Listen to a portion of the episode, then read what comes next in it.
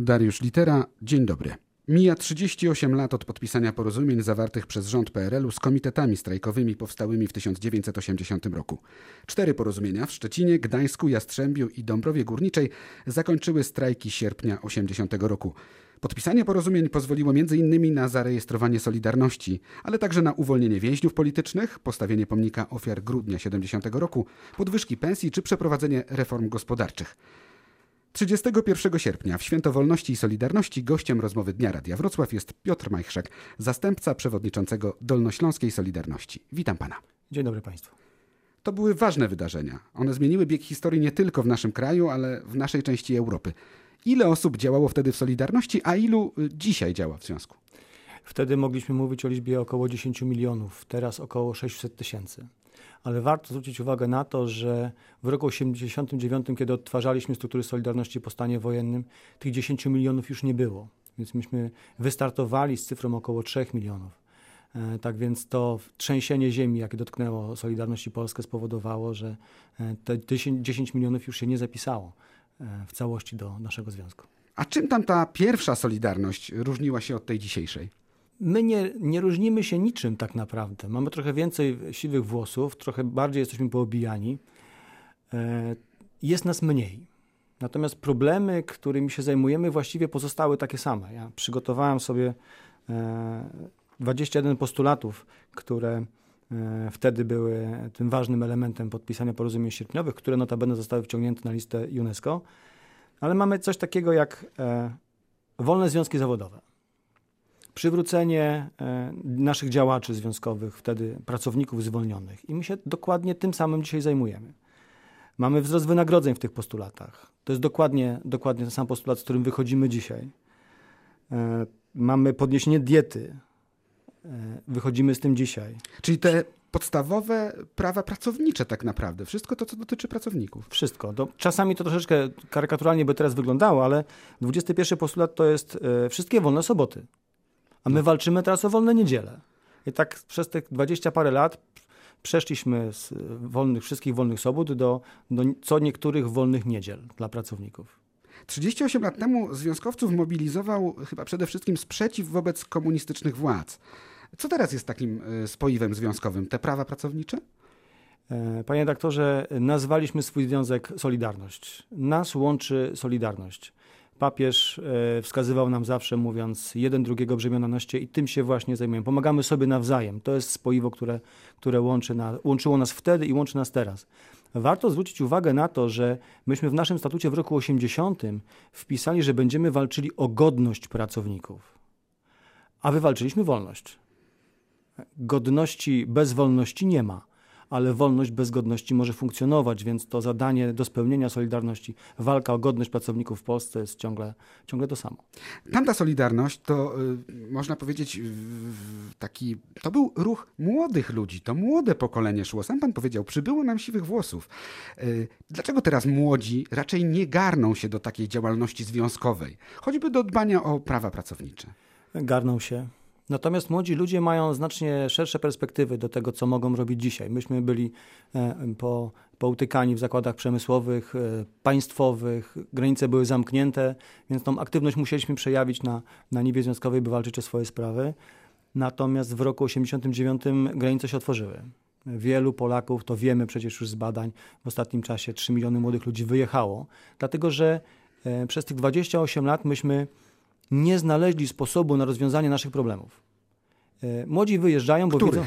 Przede e, wszystkim. Socjalnych, głównie. Tak? Mamy wolność, więc człowiek bierze paszport czy dowód osobisty. I wybiera miejsce, gdzie może Gdzie mu będzie więcej? lepiej. Tak, tak, po prostu.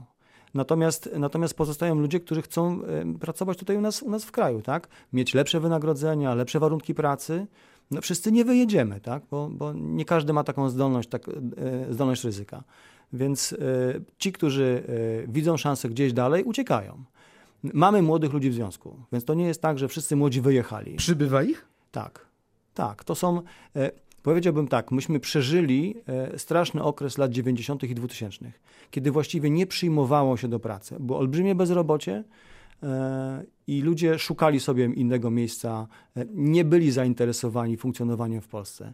Dzisiaj jest tak, że nowe zakłady powstają, nowe miejsca powstają. Pracownik jest poszukiwany teraz. O, to, to ostatnie chwile, tak? Że okazało się, że polski pracownik jest dobry, jest wykształcony, doświadczony, zdyscyplinowany i że takich pracowników byśmy chcieli tu w kraju.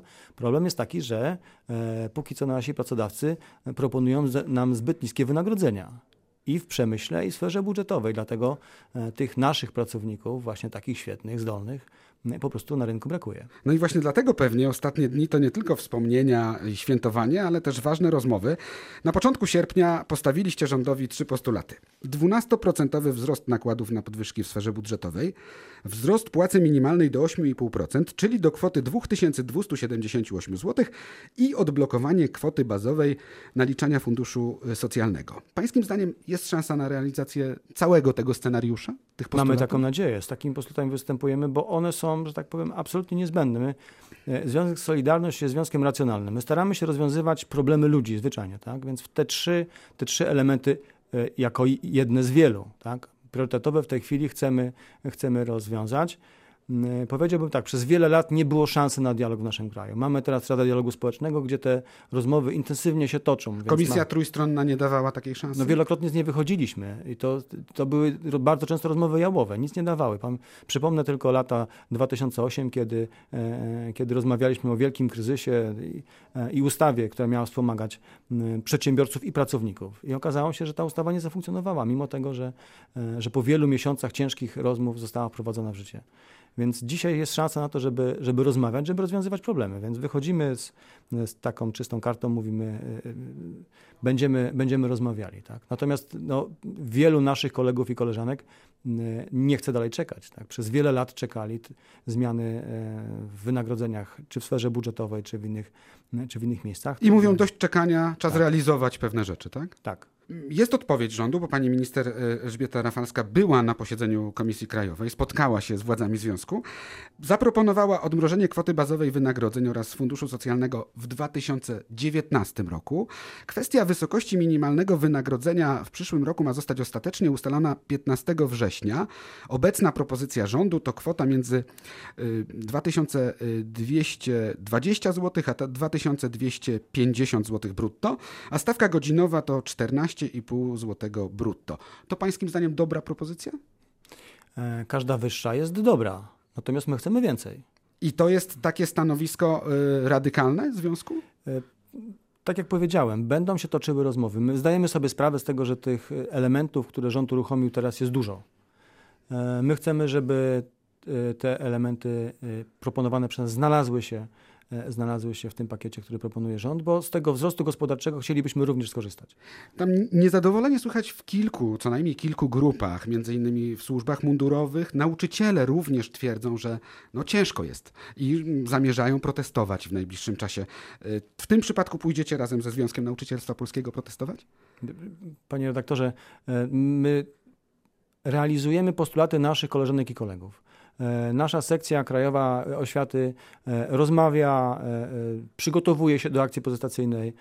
Tak powiem, nie musimy wspierać się innymi związkami, choć no, jeżeli będą nas wspierały, to, to cieszymy się. Tak? Nie chcemy robić tego na wyścigi, natomiast my od wielu miesięcy sygnalizujemy te rzeczy i na pewno będziemy, będziemy się starać wywalczyć tak powiem, Czyli jest, pracy. jeśli jest ta wspólna, to wspólne dążenie do poprawy warunków, no to wtedy razem, tak? No jeśli tak, to tak. A proszę powiedzieć, jak będzie dzisiaj y, świętowanie we Wrocławiu wyglądało?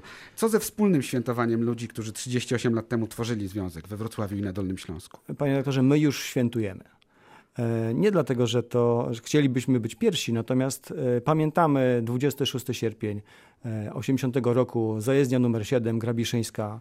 Tam jak co roku składamy kwiaty pod tablicą, która jest murowana i oczywiście zapraszamy wszystkich, którzy, którzy chcą przyjść do nas na, na obchody Solidarności bardzo, bardzo serdecznie. To już dzisiaj będzie specjalny program Radia Wrocław od 15. Piotr Pietraszek poprowadzi z zajezdni właśnie, właśnie program Radia Wrocław.